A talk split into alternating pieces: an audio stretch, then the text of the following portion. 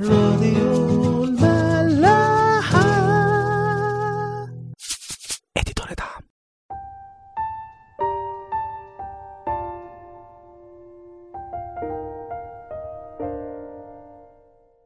أهلا بيكم في حلقة جديدة من عيش وملح.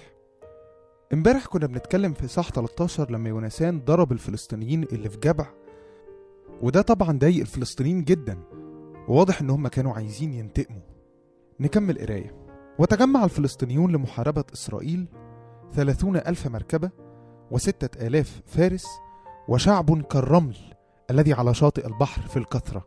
وصعدوا ونزلوا في مخماس شرقي بيت آون ولما رأوا رجال إسرائيل أنهم في ضنك لأن الشعب تضايق اختبأ الشعب في المغاير والغياض والصخور والصروح والآبار وبعض العبرانيين عبروا الأردن إلى أرض جاد وجلعاد. وكان شاول بعد في الجلجال وكل الشعب ارتعد وراءه. الفلسطينيين جم علشان يحاربوا إسرائيل. 30 ألف مركبة و6000 فارس ده غير المشاة اللي هم الكتاب بيقول عنهم وشعب كالرمل الذي على شاطئ البحر في الكثرة.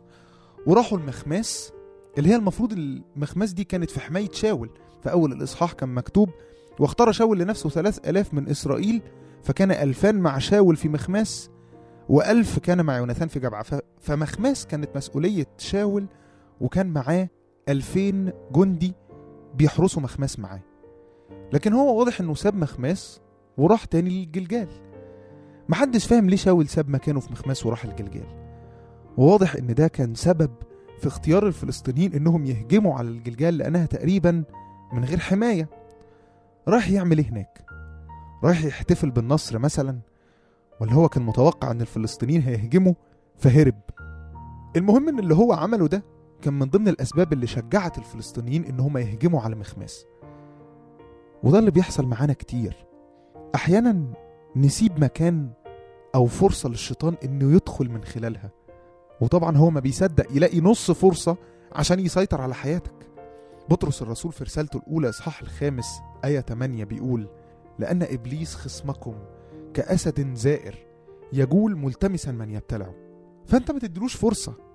قايين في سفر التكوين لما ساب الغيرة من أخوه تكبر الشيطان استغلها وكبر الغيرة لحد لما وصلها للقتل. لما تلاقي فيك طبع أو ضعف معين الشيطان بيوقعك من خلاله صلي. صلي أكتر. اطلب من ربنا إن هو اللي يستغل ضعفك لمجده. ما تستسلمش للخطية لأن الخطية ملهاش سلطان عليك.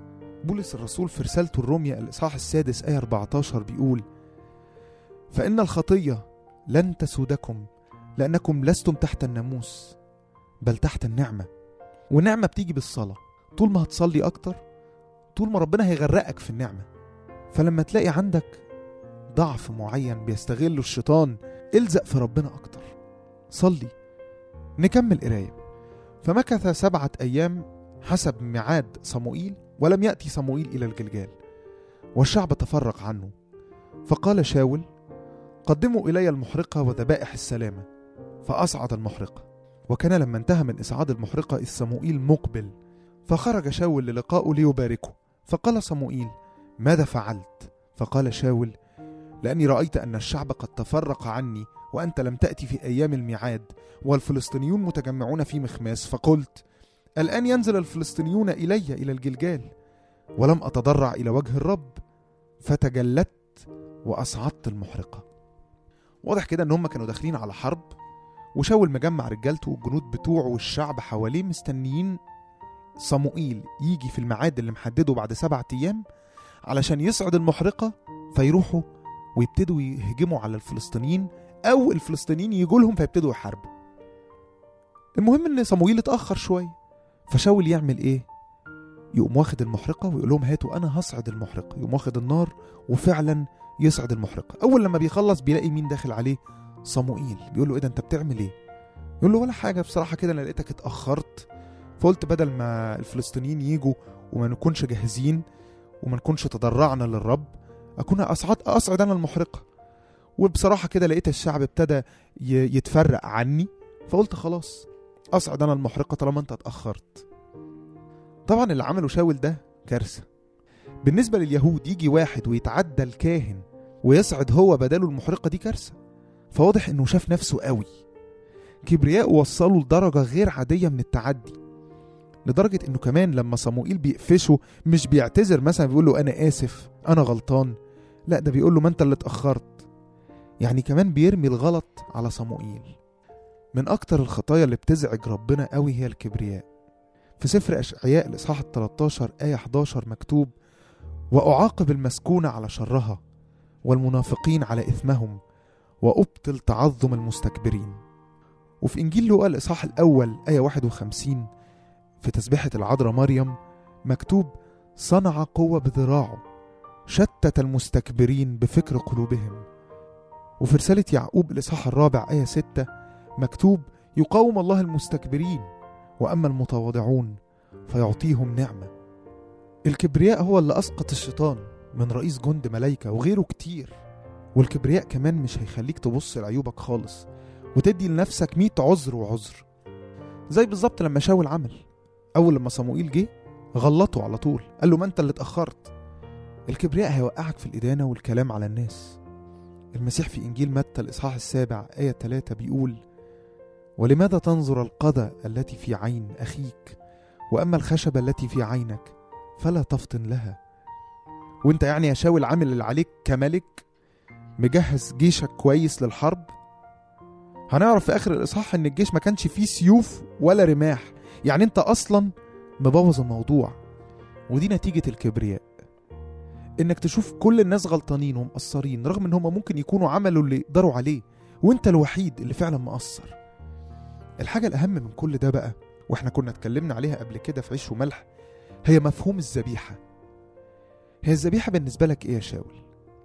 حاجة كده بتتعمل علشان تبقى فال كويس يعني لينا في الحرب؟ ولا هي حاجة طالعة من قلبك فيها خضوع وانسحاق لربنا؟ هل هي حاجة شكلية روتينية بتعملها وخلاص عشان تخلص؟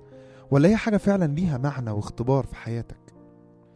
إحنا كنا اتكلمنا كتير قوي في عيش وملح عن العبادة الشكلية لكن من أهميتها ربنا بيبعتها كذا مرة بصراحة لأنه واضح إنه في منا كتير متعود على العبادة الشكلية اللي خارجة من الشفايف وحركات الجسم لكن القلب والفكر بعيد عن ربنا. في مزمور 51 عدد 15 و16 و17 مكتوب يا رب افتح شفتي فيخبر فمي بتسبيحك لأنك لا تصر بذبيحة. وإلا فكنت أقدمها بمحرقة لا ترضى. ذبائح الله هي روح منكسرة. القلب المنكسر والمنسحق يا الله لا تحتقره وفي سفر أشعياء الإصحاح 29 آية 13 مكتوب لأن هذا الشعب قد اقترب إلي بفمه وأكرمني بشفتيه وأما قلبه فأبعده عني. اوعى تخلي عبادتك شكلية. ملهاش معنى حقيقي. اطلب دايما من ربنا أن علاقتك بيه تبقى علاقة حية مليانة اختبارات ومواقف. بتشوفها منه.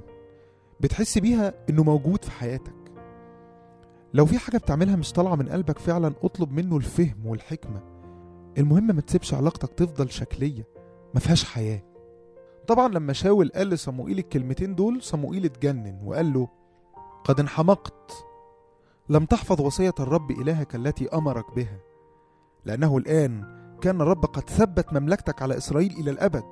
وأما الآن فمملكتك لا تقوم. قد انتخب الرب لنفسه رجلا حسب قلبه وأمره الرب أن يترأس على شعبه.